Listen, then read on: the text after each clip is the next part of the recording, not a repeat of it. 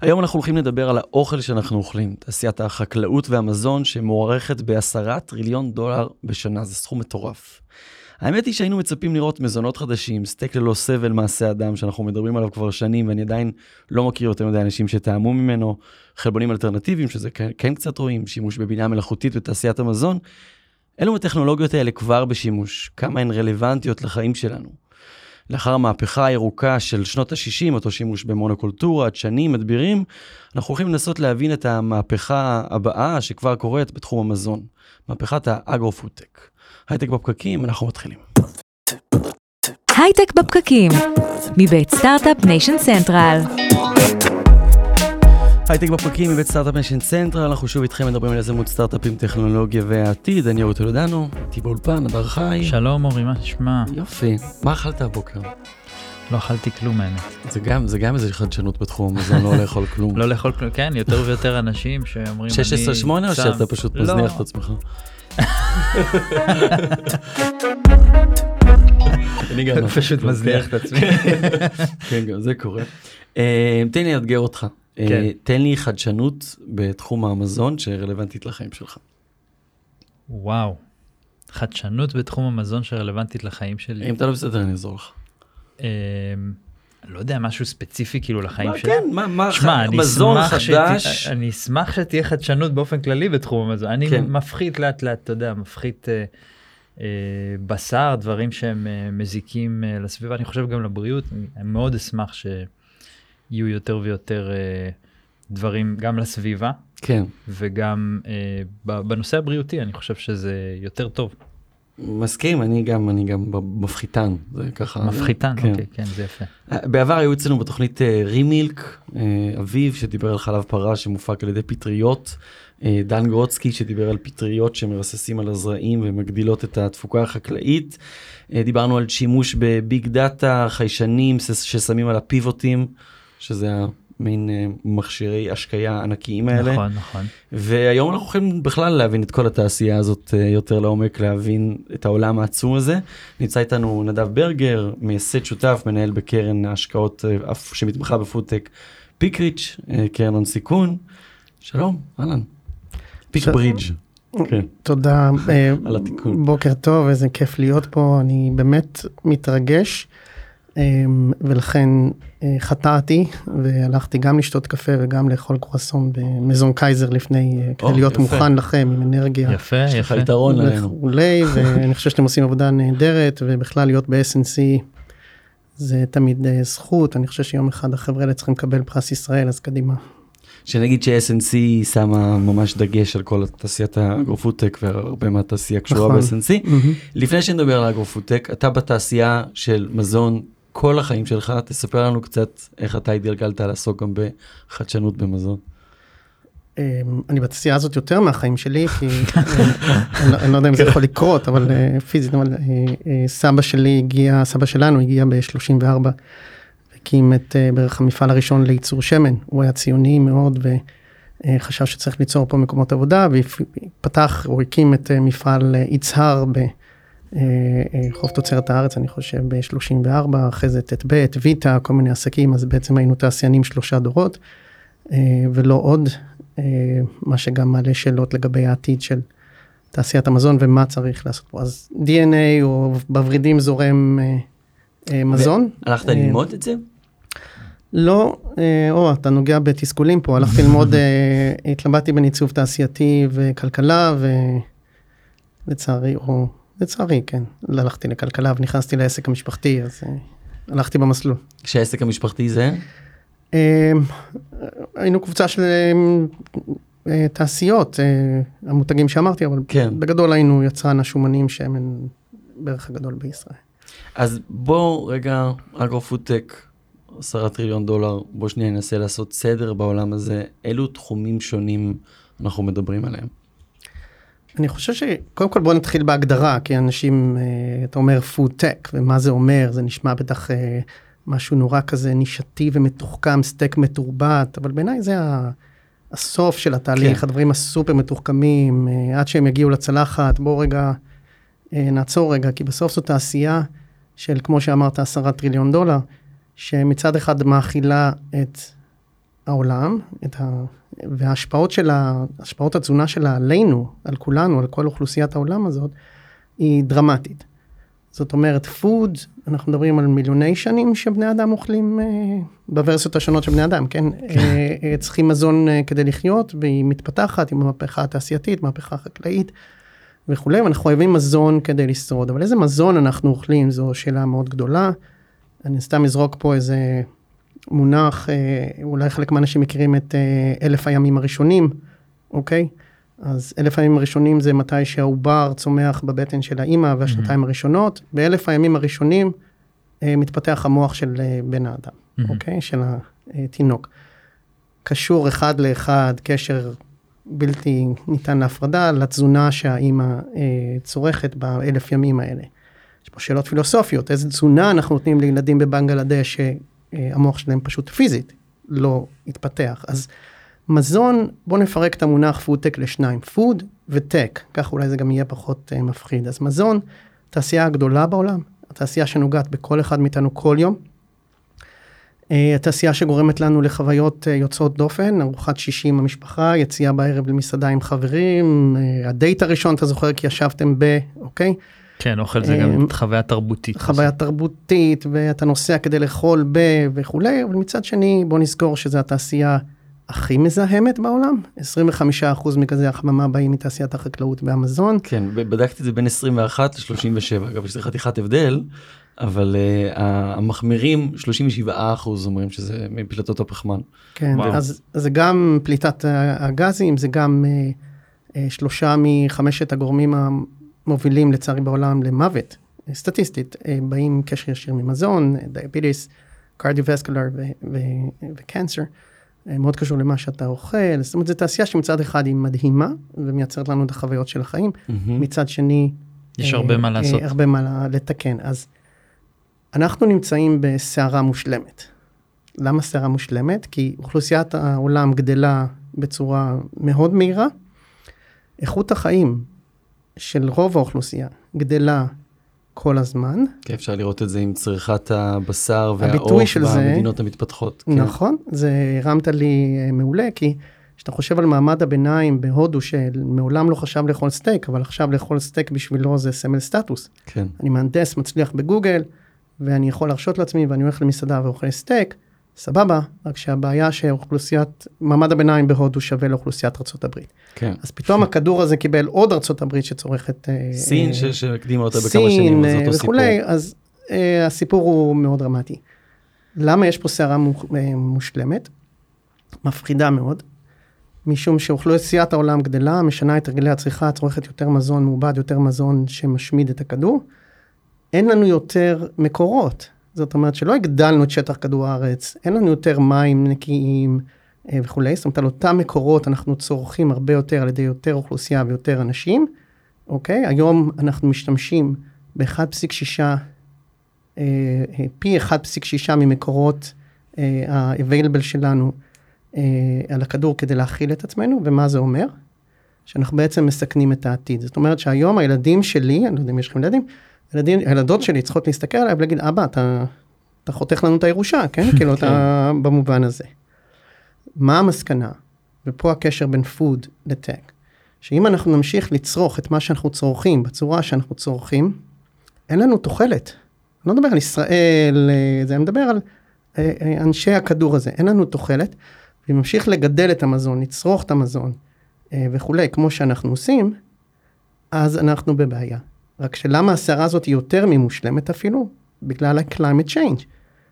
אם חברה של קטשופ אה, לא יכולה להשיג עגבניות לייצור קטשופ, אני מדבר על בגלל ה-climate change, אולי 50% פחות עגבניות בקליפורניה לספק את הקטשופ שלה. עוד דברים לא שיאביקו פחות. ב... אז הסיכון לא הוא בעצם שיהיה, שלא יהיה מספיק אוכל להאכיל? מה, מה בעצם, איך אתה רואה את הסיכון פה אה, המרכזי? אה, חד משמעית, אני חושב שחלק גדול מממשלות העולם עסוקות היום במה שנקרא food security. Mm-hmm. איך אנחנו מאכילים את האנשים שלנו חמש או שנה, חמש, עשר אה, קדימה, תוסיפו לזה מלחמה באוקראינה, climate change וכולי, זאת אומרת זה, אפילו אם נרצה להאכיל את האוכלוסיית העולם הגדלה במשאבים שיש לנו היום, זה בסיכון בגלל ה-climate change. אז יפה, הפחדת אותנו. you got our attention. רגע, עכשיו פתרון, לא? זה הקתרזיס, בואו בוא נלך לשם, כן. אז אם נמשיך לעשות מה שעשינו עד היום, לא טוב. איך אנחנו יכולים לשנות את זה? נביא טכנולוגיות. זאת אומרת, אם נביא טכנולוגיות חדשות, ולפני שאנחנו ממציאים את הגלגל, בואו נסתכל ימינה שמאלה לראות אם יש משהו available בטכנול... בטכנולוגיות, ונעשה לו אדפטציה לתעשייה המדהימה הזאת, כן? בכל מובן מדהימה. אז אני חושב שיש פה פוטנציאל א' להציל את עצמנו, וב' אה, להשתמש אה, במשאבים לעשות... שלנו בצורה יותר יעילה. אתם יודעים ש-40% מהמזון בעולם מושמד? ב- 40 אחוז? 40 אחוז ממה שאנחנו מגדלים מהשדה עד הפריג'ידר שלכם זה food waste. כשאנשים מדברים על אה, אנשים שרעבים ללחם, נכון, עצוב, זה קשור בעיקר לדיסטריביושן, האוכל לא מגיע אליהם בצורה נכונה, אבל כדור הארץ מייצר תאורטית 40% יותר ממה שהוא צורך, זה רק מושמד אה, אה, בכל תהליכי, בכל התהליכים של התעשייה המורכבת הזאת. או בשדה, או בבתי האריזה, או במשאיות, או בסופר, או בבית. אה, אה, ואחד התחומים שאנחנו מסתכלים עליהם למשל, אה, ומשקיעים הרבה מאוד בכל העולם, זה בטכנולוגיות שעוזרות לנו לצמצם את ה-food waste. כן. תתן לי רגע לאתגר את ה-perfect storm, כי מצד אחד, נכון, מצד שני, זה תעשייה, אנחנו מדברים פה הרבה על תעשיות מסורתיות שעכשיו עושות כל מיני שינויים, אנחנו רואים את זה בבנקאות, בביטוח, בכל מיני מקומות כאלה. בחקלאות, נשמע לי מורכב יותר להגיע לחקלאי, ובמיוחד ששולי הרווח בתחום הזה לא גדולים.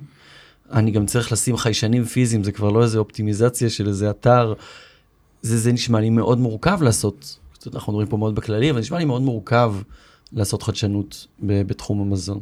אז פה אני אה, נסוג אחורה ואומר אה, מראש שאני לא יודע אם אני יכול לענות לך כי אני לא מתמחה בחקלאות, כן, כן, כן. אבל אז, במזון, אז, אז במזון. במזון חד משמעית אה, כן. בוא ניקח טכנולוגיה אחת שיכולה לשנות את כל העולם הזה וזה הטכנולוגיה של הבינה המלאכותית ואיך אנחנו חושבים בינה מלאכותית כדי לעשות אופטימיזציה שמהשדה ועד המקרר שלך, בסדר? אולי לא צריך לשתול את מה ששותלים עכשיו, אוקיי? או אולי אה, היכולת שלנו לנבא, לנתח, לנבא את אה, מזג האוויר הקלושה, אבל עדיין יכולה, אה, יכולה להשפיע על החלטות, על החלטות של ה-value chain הזה משלב השדה ועד המקרר שלך. בוא נשתמש בטכנולוגיות שהיום אנחנו לא יכולים לעשות אותן בכוח המחשובי שלנו בראש, כדי לנסות ו- ולעשות את התהליכים האלה בצורה אולי יותר הגיונית עם פחות פחת. אז איפה כבר אנחנו רואים, אז נגיד בתחום של מזון, אחד ה... נגיד בחוויה של הצרכן גם כמה כמה אנחנו מרגישים את זה? גם זה מה שפתחתי ושאלתי את הדר. אז נגיד בתחום של אה, חלב אלטרנטיבי פתאום נפתח לנו עולם חדש בשנים האחרונות והוא רק הולך וצומח אבל בשאר המקומות אני יכול להגיד שהחוויה הכי גדולה בחדשנות בתחום המזון שאני חוויתי זה זה וולט זה זה שהדבר הזה מגיע אליי הביתה ויש לי marketplace שאני יכול לעשות את זה דרכו. אה, אז פה אנחנו חלוקים אני חושב, ואולי כדאי להגיד מילה על תעשיית המזון, תכף אני אגיד, אבל אישית, סליחה שאני פה תוקף אותך, אני מעולם, אני מעולם לא הצטרפתי לכל uh, אתרי המשלוחים האלה, כן. ומעולם לא הזמנתי וולט. זה סיפור מדהים, זה כל כך נוח, זה באמת, כל השפים... אני מנסה לדבר לא על וולט ספציפית, אלא... לא, לא, שנייה, כן. אוקיי. וכשאני רואה את הוולט הזה ואני שואל את עצמי, מה קורה עם הפלסטיק? אחרי שנהנית את העשר דקות הנהדרות שלך מזוזוברה, בסדר? מה קורה עם הפלסטיק הזה? לא נהניתי, אכלתי ליד המחשב, אבל כן. אז, אז אני אומר, אה, זה בעיניי לא food tech, אוקיי? זה בעיניי לא, לא מעניין, אנחנו לא משקיעים בעולמות האלה. האם אפשר למצוא אריזה למוצר מזון אה, שהיא תהיה לא מפלסטיק, שיישאר איתנו למיליון שנים הקרובות? אתה כנראה לא תרגיש את זה, אתה תקנה חטיף שיהיה באריזה, ש... אתה יודע, אתה קונה את החטיף, אתה אוהב את אותו חטיף, אני לא רוצה להזכיר שמות, אבל סבבה, מעולה. האתגר שלנו זה ליצור שנגיד אה, אריזות, שזה חלק גדול מתעשיית המזון, שאתם לא חושבים על זה בתור צרכנים, שאולי יהיה, אוקיי. אולי יהיה קצת יותר אה, כן. וזה תעשיית המזון. לאו דווקא אתה כצרכן צריך לראות את כל החדשנות. בכמעט כל חלק של תעשיית המזון יש מה לשפר, ולשפר דרמטית מבחינת האפקט של זה על כדור הארץ ועל התזונה שלנו, אוקיי? ותעשיית המזון צריכה היא מנסה, אבל היא צריכה אה, לאמץ את אותן טכנולוגיות. זה מאוד קשה, כי זו תעשייה מאוד מאוד שמרנית. זו תעשייה שיש עליה עין פקוחה של הרגולטור, בצדק, כי אנחנו מכניסים את זה לגוף וזה יכול לגרום לנו נזק, אז חייבים לראות שאנחנו אוכלים אוכל אה, בריא. שזה מדהים אגב בהקשר הזה, ארגון הבריאות העולמי הכריז, או ה-FDA, שאספרטיים זה, זה מסרטן לפני פרק זמן אה, יחסית קצר, שזה חומר ממתיק מלאכותי שהיינו צורכים עשרות שנים, במין אף אחד לא, כאילו, אז אני, הרגולציה פה קריטית, אבל גם זה מה שהופך אותה, את התעשייה הזאת לאיטית יותר? אני חושב שזה, אה, כן, אני חושב שהרגולטורים, אה, אה, לא רק שהם אה, מאיטים, עוד פעם, מתוך אחריות, מאיטים את התהליכים, לפעמים אבל הם גם גורמים נזק. אני... יש לך דוגמה אולי? כן, אני מפציר בכם, אני אשלח לכם קצת אה, אולי אה, נתונים. אתם יודעים שהאובסיטי והסכרת בארצות הברית התחילה בקו ישיר, קורלציה ישירה אה, אה, ביום שה-FDA אה, פרסם את פירמידת המזון כהמלצה לצרכנים האמריקאים. זאת אומרת, אתה לוקח את פירמידת, פירמידת המזון הראשונה שפורסמה, פעם ראשונה שרגולטור אמר, אנשים טובים שלי, זה מה שאתם צריכים לאכול, אוקיי? באותו יום יש פריצה מדהים. של סכרת בארצות הברית. אתה מסתכל היום על פירמידת המזון האמריקאית שפורסמה אז, ואתה אומר, איך הם עשו את זה? כאילו, מאיפה באו האנשים האלה? כן. אוקיי? אז כן, הרגולטור יכול להיות uh, גם uh, מצד אחד שומר סף, um, בואו לא נפתח את זה. לפעמים גם לא, כן. ולפעמים גם, הרבה בגלל, אתה יודע, אולי בגלל חוסר ידע, באותן תקופות היה הרבה מאוד... Uh, אז, אז אתה בעצם אומר יש הרבה מאוד חדשנות בעולם הפודטק שלא לא בהכרח נרגיש אותה זה לא בהכרח רק הסטייקים אה, החדשים או, או תחליפי חלב אלא דברים שהם בעצם קורים בכל ה-value chain של אה, של עולם המזון. איזה דברים הם הכי משמעותיים מבחינת הזדמנות לעשות שינוי? איזה דברים כבר קורים ושינו לנו ואנחנו אפילו לא יודעים. אז אני חוזר רגע לימי הטירונות שלי ואני מבקש מהמפקד עוד שעתיים הערכה כי אני יכול באמת לדבר על זה שעתיים אם אפשר. אבל ננסה לתת, לכם דוגמאות. אנחנו קרן שבעצם הוקמה על ידי ישראלי ושוויצי. אנחנו משקיעים בכל העולם ויש לנו פרספקטיבה קצת מה קורה בעולם ואסטרטגיה מאוד מאוד uh, חדה מה יכול לעשות אימפקט ומה יכול לעבוד כדי לייצר returns בטווח זמן הגיוני, כן? כי משהו שייתן פירות עוד 30 שנה זה פחות מעניין משקיעים. אני חושב שאחת המהפכות המרתקות ביותר, עוד פעם משהו שאתם לא תרגישו, כי אתם צורכים את המזון אחרי כל התהליכים, זה מהפכת ה-AI, שזה אצלנו תחום מאוד מאוד אה, חם. איך זה בא לידי ביטוי? אז אני רוצה לתת לכם דוגמה דווקא ישראלית שאני מאוד אה, גאה בה. אה, זאת חברה שהופכת להיות ה-Waze של תעשיית המזון. החברה הזאת קוראים לה, היא חברה מתל אביב, Tastewise, יפה. Tastewise, אה, חברה שהוקמה על ידי אה, באמת אנשים אה, מאוד מאוד אה, מוכשרים וחכמים, אה, עבדו בגוגל. נראה לי שאירחנו את Tastewise. כן, בזמן הקורונה. כן, אבל כן. אני רוצה לחדד איזה בעיה הם פותרים, שאתם לא תרגישו. 90 אחוז, אנחנו יושבים, נכון? 90 אחוז מהשקות המוצרים החדשים בעולם ירדו מהמדף תוך פחות משנתיים ולא יצליחו. Mm-hmm. אני אחדד את זה רגע. דמיין שאתה מנהל המותג של דוריטוס בפפסיקו בארצות הברית, ואתה עובד כמה שנים על הטעם דוריטוס הבא, ועושה אה, אה, מבחני טעימה ומשקיע מיליוני דולרים, זה לוקח לך בדרך כלל ארבע שנים. אני חותם לך, סטטיסטית, שתוך שנתיים, פחות משנתיים, ההשקה הנהדרת שלך יורדת מהמדף. אתה רוצה לדבר על מסעדות? וזה אומר בהכרח שזה לא מוצלח או שזה פשוט היה טרנד שיווקי שפשוט אה, עבר זמנו ואני צריך לחדש? תכף אני אתן לך בדיוק את התשובה, אני, אני רק רוצה לחדד שבעולם המסעדות זה פחות משנה, אוקיי? זאת אומרת, אתה רץ ופותח מסעדה ואתה חושב כן. שאתה יודע הכל וכולי, ואין מידע, אין דאטה. מספרים של סטארט-אפים וכנראה בלי אקזיטים של סטארט-אפים. נכון, כן. אתה יודע, מזון זה מזון, זה כיף. אה, הייתי מסעדן פעם, אז זה כיף לארח. כן. מה הבעיה? בתעשיית המזון, וזה עוד פעם להגדרה של food tech, בתעשיית המזון אין כמעט דאטה. זאת אומרת שאתה הולך לפתח את המוצר הזה החדש של uh, פפסיקו, אין לך מקורות מידע להגיד, ההאנץ' שלי, אני מרגיש שזה צריך להיות טעם ברביקיו בארצות הברית. מי אמר שאתה צודק, אוקיי? יש לך איך לבדוק את זה? אז היום כמעט אין מקורות אה, דאטה שאתה יכול לבסס את התזה שלך, ועוד פעם, התזה שלך שווה עולה מיליונים, mm-hmm. עם המון פחת ואנרגיה ובזבוז וכולי. ומה ש Tastewise עושים, אה, אני מכיר את רשימת הלקוחות שלכם, אני לא מכיר חברה ישראלית שעובדת עם כל מותגי המזון הגדולים בעולם. הם מנתחים דאטה בעזרת כמובן הכל AI, הם משיקים בספטמבר את ה-Generative AI שלהם ואת ה-Taste GPT, אה, והם מנתחים בכל רגע נתון מעל 4.5 מיליון אה, תפריטים של מסעדות אונליין, אבל כל הזמן. זאת אומרת, מסתכלים מה השינוי, מה עולה, מה יורד, מה פופולרי. מעל זה מסתכלים על uh, um, בערך 90% מה-recipes אונליין, זאת אומרת, אם הורדת איזה recipe ואתה הולך לבשל, אז יש הצצה למה ה-consumers בעצם צורכים בבית. social media, טריליונים של data points. אבל זה לא חברה, אוקיי, הדאטה זה מאוד חשוב, אבל מה עושים עם הדאטה? והשכל שלהם זה לנתח את הדאטה ולתת לאנשים שמפתחים את המוצרים הבאים, את היכולת לפחות לתמוך את התזות שלהם באיזשהו בסיס אה, של דאטה. כן. ופתאום הם נהפכו ה-go to market של אותן חברות ענק, שבסוף מאכילות אותנו, בואו לא נזלזל, אנחנו לא יכולים לזלזל ולא להעריך את החברות האלה שבסוף מאכילות את אה, מיליארדי האנשים.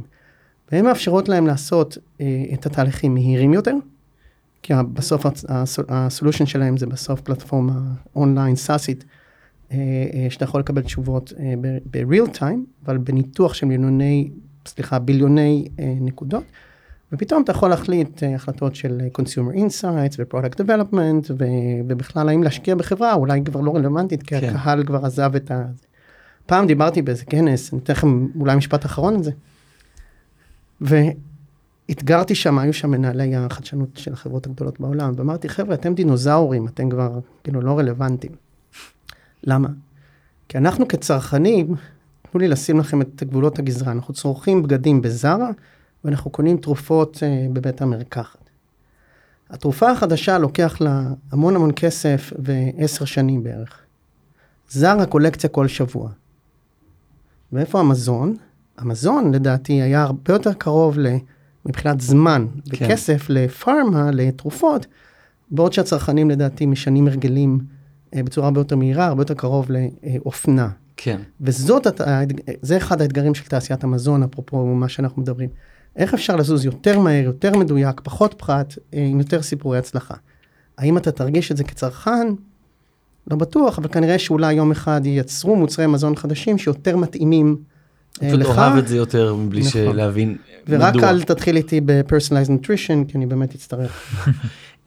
תן לי עוד דוגמאות חדשנות שאנחנו מרגישים או לא מרגישים אותה?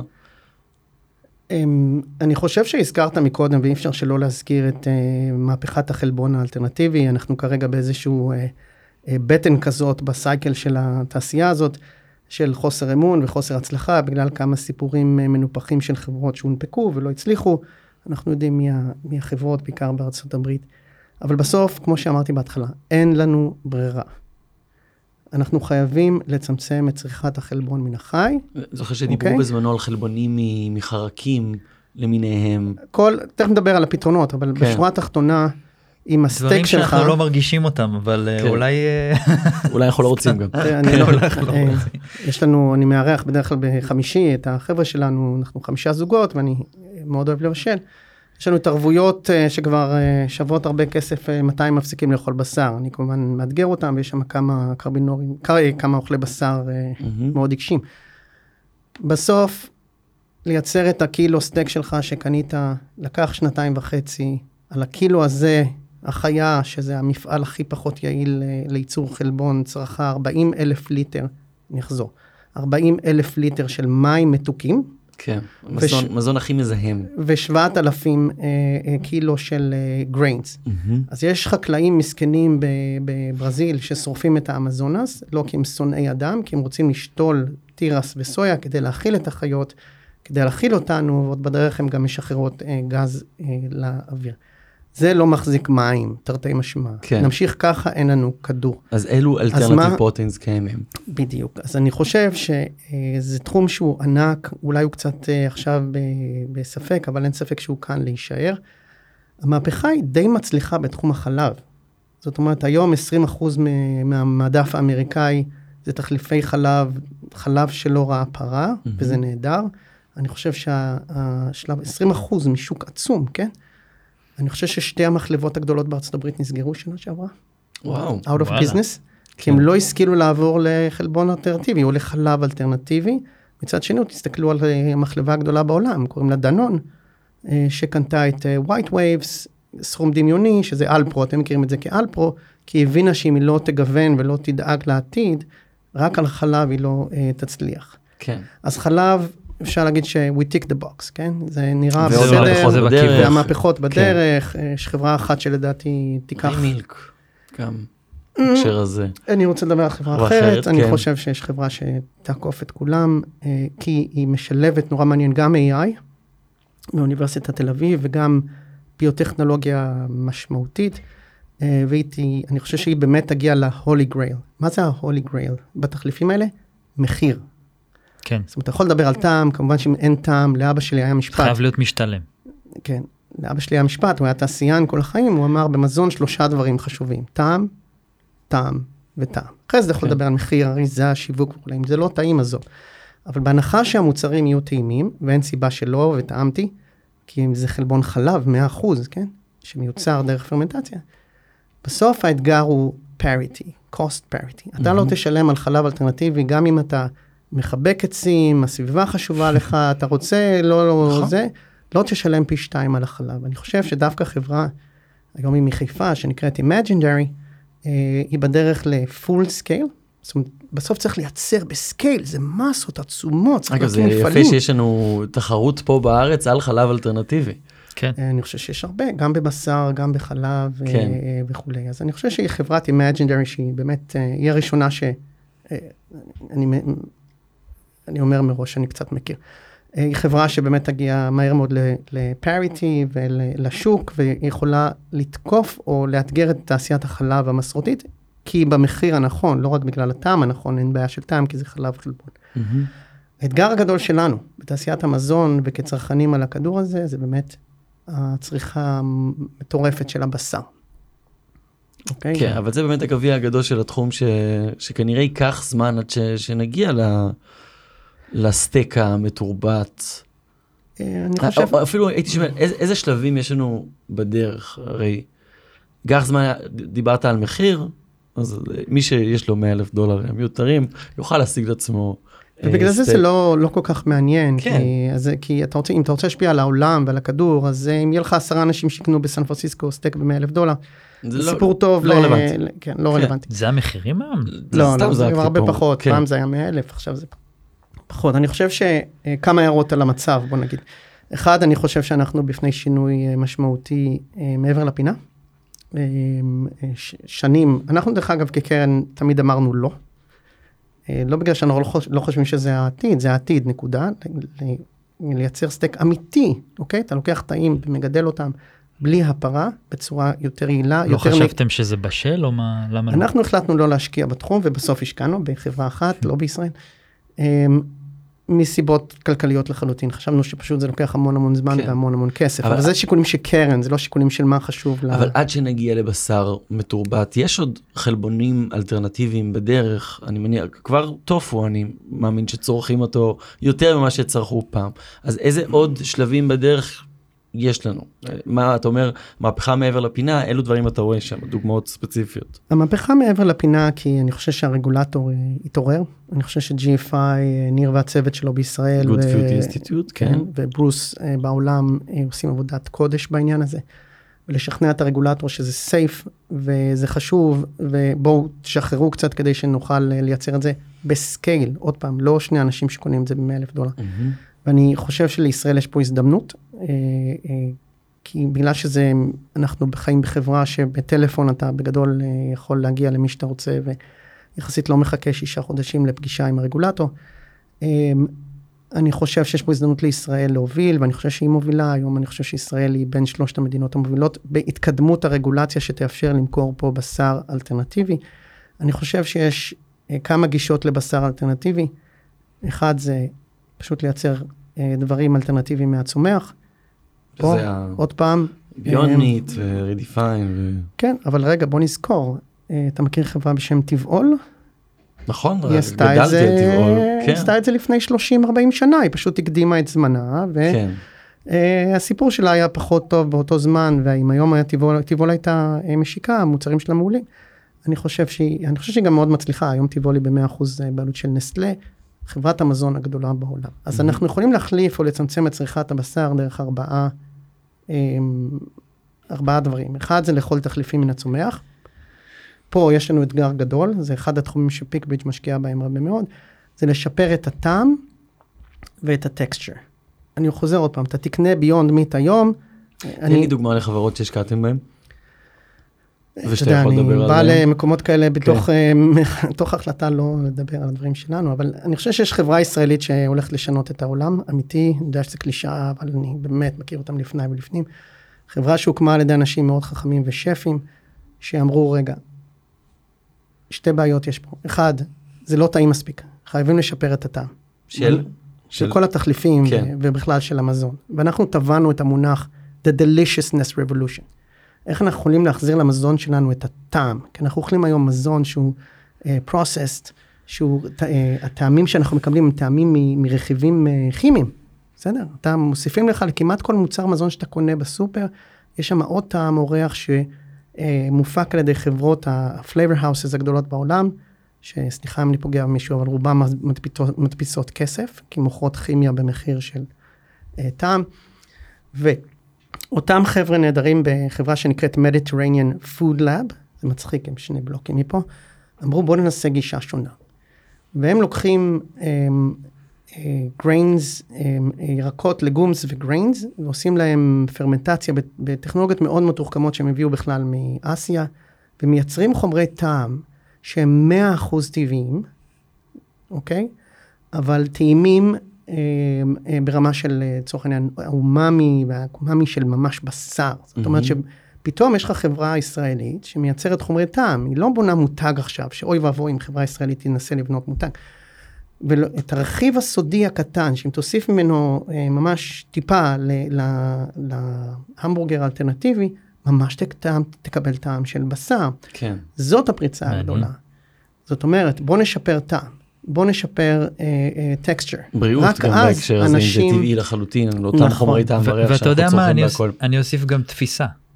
האנשים צריכים לתפוס את, ה, את הבשר האלטרנטיבי כמשהו שהוא, אוקיי, אולי אם יהיה טעם אה, זה, זה יותר קל, אבל בסוף אנשים חושבים על זה כ... משהו צמחוני, משהו שהוא לא אני. כן, וזה המיתוג, גם משהו המיתוג שהוא, של זה עדיין לא... המיתוג צריך לעבוד עליו כאילו לא למה שאמרת מחבקי עצים, אלא לכולם, זה צריך להיות הדיפולט של ה... אני שלנו. מסכים, אני חושב שאחד האתגרים הנהדרים שלנו בתעשיית המזון זה לחזור קצת אחורה, לאכול אוכל טבעי. אנחנו, עוד פעם, אני קושר את זה למה שאמרתי בהתחלה, אוכלוסיית העולם גדלה כל כך מהר, ותעשיית המזון עמדה באתגר מטורף של להכיל את העולם, ולכן היא דיברה, או היא עשתה כל הזמן, scale ו-cost reduction. בוא נייצר יותר בפחות, כי צריך להכיל את האנשים. ואולי זה הזמן להתפכחות. אחד, לנו כצרכנים, בוא נבדוק מה אנחנו אוכלים. כן. read the label. גם בסדר? ברמה האקולוגית, ושתיים, גם ברמה הבריאותית. חד משמעית. כן. ויום אחד... וזה השם... קורה. קורה, אנשים אני חושב מסתכלים יותר על הרכיבים התזונתיים מאשר הסתכלו בעבר. אני לא אשאל איפה אתה גר ועם מי אתה מסתובב, בסדר? ומה אתה קונה בסופר, בחנות הנוחות ליד הבית שלך משלם פרימיום מטורפת. בסוף צריך להכיל פה מיליארדי אנשים. הם, הם מסתכלים, ולצערי אה, חלק גדול והולך גם בישראל, מסתכלים על כמה זה עולה להם, ופחות עכשיו מה זה עושה להם אה, לתזונה. ואני חושב שאחד האתגרים הנהדרים שלנו זה לחזור קצת אחורה ולצרוך מוצרים שהם מיוצרים א', עם פחות רכיבים, כן. וב', עם רכיבים טבעיים. תרשה לי להרים לעוד חברה ישראלית שמשנה את העולם. אה, זה כיף לדבר פה רק על חברות ישראליות. אה, וזה חברת אה, ונילה וידה, שאני מכיר שכבר כמעט כל ישראלי שאני מכיר אותה. חברה שהיא הסיפור הישראלי. חקלאי 700 דורות מיסוד המעלה שיודע איך אה, לגדל. אה, ואנשים מאוד אה, מתוחכמים עם דוקטורטים בביוטכנולוגיה וכולי, שאמרו רגע, מעל 90 אחוז מהווניל שאנחנו צורכים, בעוגיות, בגלידה, הוא סינתטי. סליחה שאני ארוס לכם את הקינוח כן. היום, אבל הוא בא כתוצר לוואי של תעשיית הנפט. אני לא בטוח שאתה, אם היית יודע את זה, היית רוצה לצרוך את זה. ואז אמרו, האם אנחנו יכולים להביא טכנולוגיה כדי לייצר את זה בצורה יותר נכונה. למה היום אנחנו צורכים מעל 90% מהווניל ממקורות שהם לא טבעיים? משער שזה יקר. זה יקר, ולמה כן. זה יקר? כי זה מגודל היום בעיקר במדגסקר, ועם ה-climate change, אני קושר לכם עכשיו את כל הנקודות, אין וניל. כן. אז אתה לא יכול לייצר אה, עוגייה ולקנות וניל אמיתי, טבעי, בריא, כשקילו עולה 500 דולר. מה וניל אבידה עושה? חברה ישראלית שתשנה את העולם, כן? עולם הטעמים, עולם הווניל, שהוא הטעם הכי נחשק בעולם.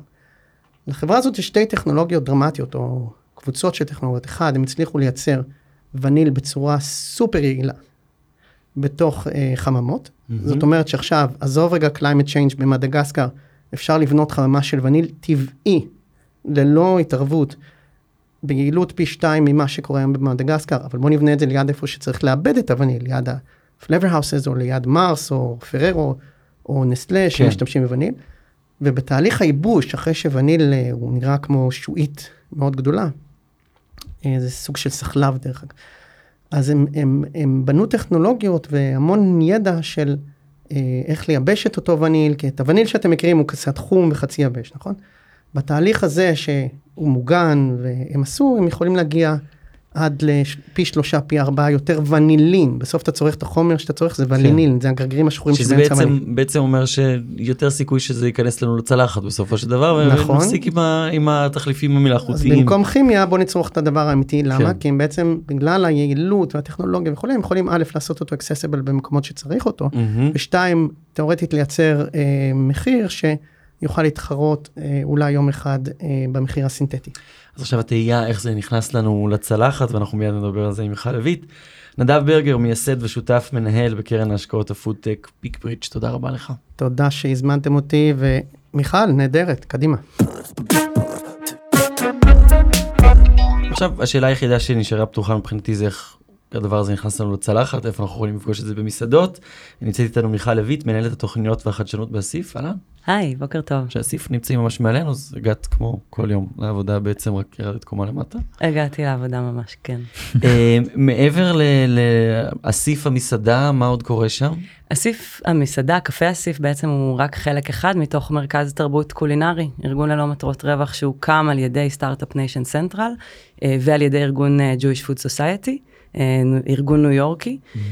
במטרה לסייע לתרבות האוכל המגוון. Jewish Food Society, אגב, זה כבר אה, משהו להתעכב עליו. אני מיד, כן. מיד ארחיב בשורה. כן. אז באמת האסיף הוקם במטרה לסייע לתרבות האוכל המגוונת והחדשנית בישראל לצמוח ולשגשג. וה-Jewish Food Society זה ארגון שהוקם ב-2017 על ידי נעמה שפי, שהיא גם המייסדת של אסיף.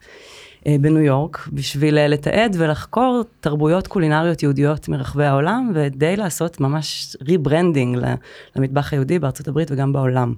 אה, ובעצם אסיף יושב על בין שני הארגונים האלה קצת כמו המטבח הישראלי, באיזשהו אופן, מתוך המגוון הרחב הזה של תרבויות האוכל והמסורות השונות שמרכיבות את החברה בישראל, אמ, אולי דווקא זאת גם הסיבה לכל החדשנות הזאת בכל ההקשר של פודטק. אמ, אז בואי נדבר על זה. בדיוק. אמ, דיברנו הרבה על כל מיני מהפכות שקורות אי שם. מתי זה, מתי זה מגיע לנו לצלחת? נגיד אה, ונילה וידה. מאפשרת ליותר אנשים לצרוך וניל? זה משהו שכבר רואים במסעדות? ממש ממש זה זה כזה זה בהתחלה של זה כן. זאת אומרת אני יכולה לומר שבאמת הרבה מאוד שפים אה, נרתעים מכל הסיפור הזה של פודטק. ובכלל אנשים שמגיעים מתוך עולמות של קולינריה מה שנקרא foodies או mm-hmm. שוחרי ושוחרות תרבות אוכל הם, זה, יש, יש הירתעות קלה מכל הסיפור הזה של, אה, אה, של טכנולוגיית אה, מזון בכלל, של תעשיית המזון, וגם של הפודטק. כאילו מין מקום שפחות מאמץ חדשנות, פחות אוהב לה, להביא את הדבר הבא, במיוחד שהוא בא מזווית טכנולוגית. תראו, נדב דיבר על זה מאוד מאוד יפה ועל כל באמת השינוי האקלים ומשבר המזון העולמי שאנחנו באמת נמצאים, נמצאים בתוכו, ועל פתרונות ופתרון אחד הוא באמת הפתרון הטכנולוגי, ופתרון אחר שהוא גדול לא פחות, ו- ויש לו באמת הרבה מאוד שוחרים ושוחרות ברחבי העולם, הוא כל עולם מה שנקרא slow food, וכל החזרה למסורות וכלכלה מקומית, ולהגיד, אוקיי, חבר'ה, יש קפיטליזם, אבל אולי בתוך הקפיטליזם הזה אז הטכנולוגיה היא הפתרון, אבל יש לא מעט אנשים שבאמת מושכים את, ה, את המושכות האלה של הפתרון דווקא למקום של מסורת. והרבה מהאנשים האלה הם השפים, הם האנשים שבאמת כותבים על אוכל היום, גם בארץ, גם בעולם. הם בעיקר אנשים שמושכים אחורה. ול... מה זה אומר למשוך אחורה? למשוך אחורה זה אומר, כל נגיד טרנד ההתססות הוא בדיוק דוגמה מאוד מאוד יפה לזה. אה, ראינו את זה בקורונה, לחמי מחמצת, mm-hmm. כולם מכינים פתאום קימצ'י, נכון. אה, כולם פתאום, כל מיני הייטקיסטים ממש אוהבים להכין בירה בבית. Mm-hmm. כל הדברים האלה זה איזשהו אה, פתרון, אולי זאת איזושהי תופעה חברתית, אני לא בטוחה אם זו פתרון באמת. שאלה אם זה אנקדוטלי או שזה משהו שהוא קצת יותר רחב ובאמת יש לו, יכולה להיות לו השפעה. אז הרבה, אה, הרבה כלכלנים שמתעסקים היום ב slow food, אני באופן אישי פשוט למדתי ארבע שנים באוניברסיטה של slow food, אז אני מגיעה משם. 20 שניות על slow food, כן. אוקיי, לבורים הקולינריים slow food היא תנועה שהוקמה ב-1986 באיטליה. אה, היא הוקמה על ידי חבר'ה סוציאליסטים מצפון איטליה, כי אה, רצו להקים בעיירה שלהם מקדונלדס. הם אמרו, אנחנו לא עכשיו נזרוק עליהם אבנים, אנחנו לא נגיד כאילו, מקדונלד זה רע, אנחנו פשוט נקים איזושהי תנועה שאומרת, אוקיי, יש fast food. אלטרנטיבה רעיונית. יש slow food. ההפך מ fast food כן, בעצם. כן, כן. עכשיו slow food בעצם הרעיון שלהם זה, זה אה, לשמר מסורות, זאת אומרת, לשמר מגוון ביולוגי, להחזיר אה, זנים שנעלמו מהעולם, אם זה, אם זה זני עגבניות וזנים של תפוחים וזנים של חזירים ש, אה, שנעלמו מהעולם לטובת אה, אה, תוצרים שמביאים יבול הרבה יותר גבוה. Mm-hmm. אה, ומסורות, זאת אומרת, איך מכינים את הנקניקים האלה, במה זה תלוי. אה, אז זה food. אה, כן. אני מקווה שזה מובן. כן. ו slow food, אגב, היא רק אחת מהרבה מאוד תנועות אה, שמדברות על הדבר הזה. זה נשמע קצת אנטי-טכנולוגי? אולי אני... אז, אז זה אנטי-טכנולוגי, זה נכון מאוד, אבל אני... ואנחנו חושב... בהייטק בפקקים. כן, אז אבל בדיוק. בוא נדבר גם על לא הייטק. אז, אני, אז, אז, אז למה זה מעניין כן. בעצם, ולמה זה מעניין גם מה שאנחנו באמת עושים באסיף, כי אנחנו כולנו חבורה של אנשי אוכל מאוד טרדישונליסטים לאללה, אבל גם אנחנו מבינים, וגם הרבה אנשי אוכל מסורתיים מבינים, והמון שפים מתחילים להבין, שזה לא יעבוד. זה לא יעבוד אם אנחנו לא נחבר בין שני הפתרונות האלה. זאת אומרת, אנחנו, זה אחלה, אני יכולה עכשיו לרכוש לי ארבע פרות, לשים לעצמי, לחבוץ לעצמי את החמאה, mm-hmm. והנה, והנה חייתי חיים טובים, אבל זה לא הפתרון. מצד שני, אנחנו גם לא יכולים להמשיך ולחשוב שטכנולוגיה היא הפתרון היחידי, וטכנולוגיה, אתם דיברתם המון על בריאות, ואתם דיברתם המון על טעם. שכחתם דבר אחד מאוד חשוב, אוכל הוא תרבות. כן. אוכל הוא תרבות, ותרבות היא הדבר שגורם לאנושות לשגשג כבר למעלה מעשרת אלפים שנה, מאז המהפכה החקלאית. Mm-hmm. ואם אנחנו לא נדע לחבר, אם אנשי הפודטק ותעשיית המזון לא ידעו לחבר עולמות של תרבות לעולמות של טק, אז הפתרון, הפתרון הוא חייב להיות שניהם. אז איך מחברים טק לתרבות? אנחנו מתרבות של טק. בדיוק. זה תרבות אחרת. תרבות, תרבות כן, של לאמץ חדשנות ורק אוקיי, תן לי משהו, תן לי להתנסות בגאדג'ט החדש הזה לצורך העניין. אז, אז בתור מי שמתעסקת בחדשנות באסיף, המרכז לתרבות אוכל בישראל, כן. אמ, באמת, אחד הדברים, אגב, אנחנו ממש בשבועות הקרובים הולך לצאת באתר שלנו, אה, הולכת לצאת כתבה של אה, אה, אדם סלע, שבאמת ראיין שורה של שפים כדי לשאול אותם, חבר'ה, מה אנשי הפודטק צריכים לעשות כדי שתכניסו אותם למסעדות? זה בדיוק השאלה הבאה שלי, כן. זה בדיוק השאלה הבאה שלך, מעולה. אז קודם כל אני, אני, אני מציעה לכולם לעקוב ולקרוא, כי זו באמת כתבה ממש טובה. אמ, וכמה דברים, כמה תשובות מעניינות שקיבלנו. אמ, החל מ, מאנשי מסורת אה, יותר אה, אנטי, בוא נגיד, אה, כמו השף רן שמואלי, או כמו השש, השף חביב דאוד מאיזבה שבכפר ראמה, שאמרו, לא, זה לא, זה לא הגיוני, הקהל שלנו לא ירצה את זה, אנחנו, אנחנו לא מעוניינים בזה. זה... שמה זה, כאילו אגב, הרי יש בטח הרבה הצעות של כל מיני חברות להיכנס לנו לצלחת בכל מיני אופנים שאם הם לא היו משפרים את החוויית אכילה שלנו אז, אז הם לא היו קיימים מלכתחילה ולא היו יכולים להציע את ההצעות האלה. אז, אז קודם כל אלו הצעות קיימות וב' למה את חושבת ש... מה צריך לעשות בשביל להיכנס לשם? אז ההצעות, אז ההצעות סליחה. אה, אז ההצעות הן, אה, אה, באמת, החל מכל התחליפי בשר מהצומח, בהדפסות תלת מימד,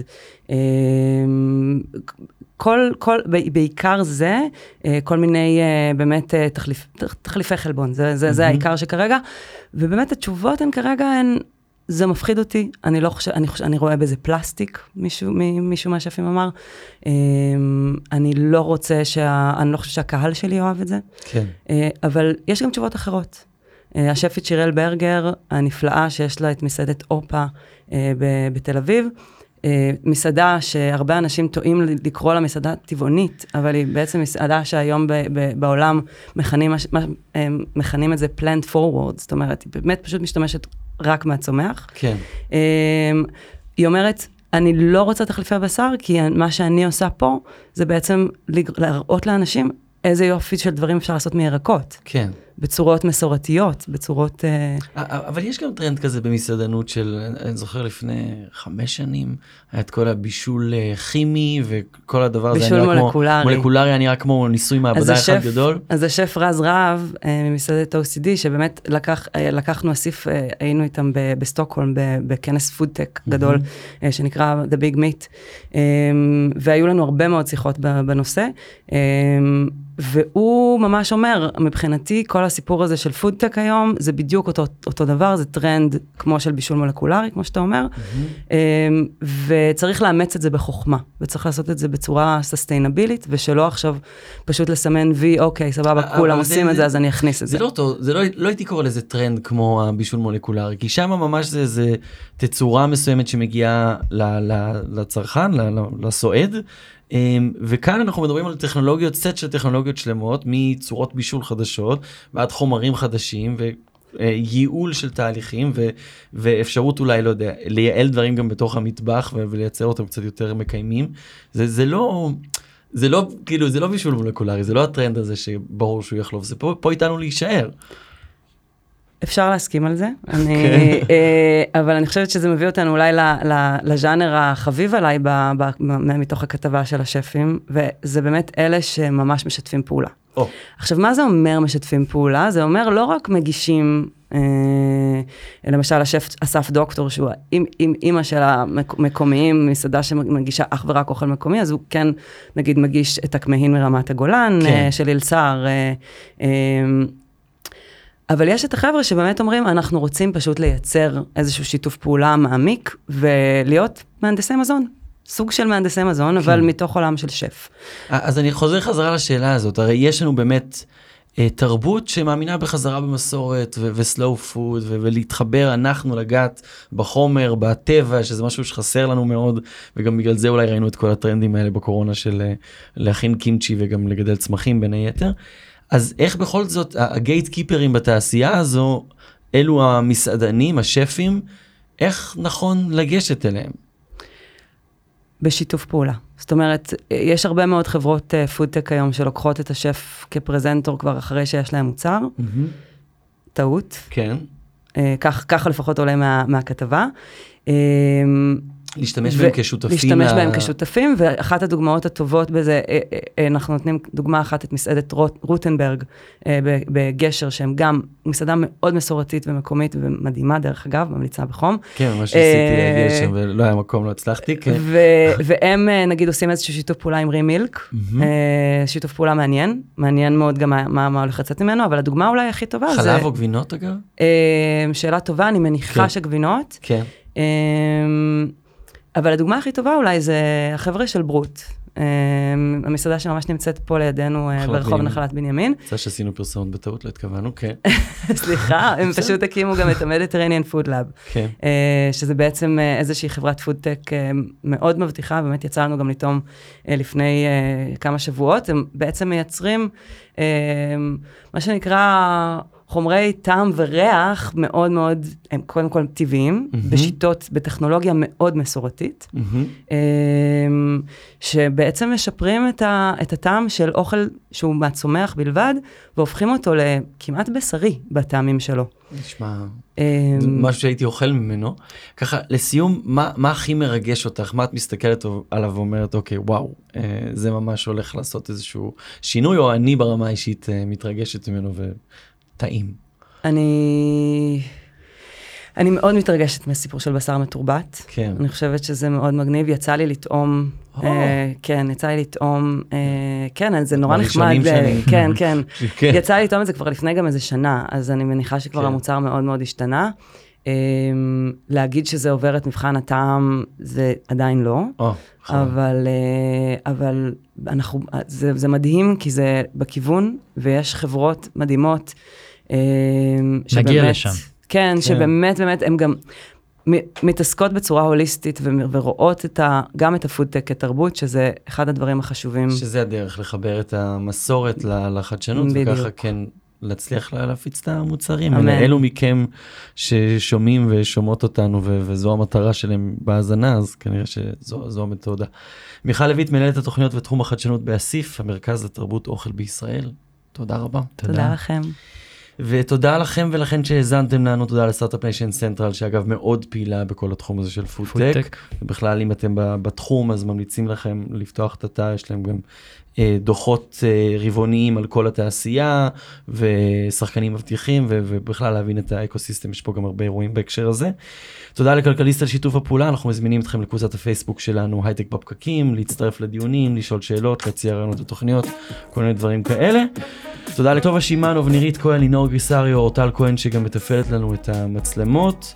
אה, אנחנו כרגיל בפייסבוק לייב, אם אתם שומעים אותנו בפוד- בפודקאסט, אם אתם שומעים אותנו, אם אתם רואים אותנו אז נגיד לכם שאנחנו בפודקאסט בכל אפליקציות הפודקאסטים. הדר חי, כאן איתי, שנינו רעבים. בטח, ברור. נתראה בחמישי הבא, יאללה ביי. ביי ביי.